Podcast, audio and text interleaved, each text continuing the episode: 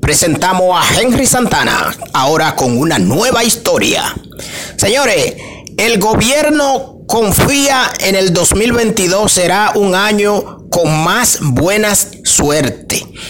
Mucha atención, el gobierno dominicano de aquí de República Dominicana ¿eh? confía en que el año nuevo 2022 será un año con más buena suerte y lleno de energía positiva.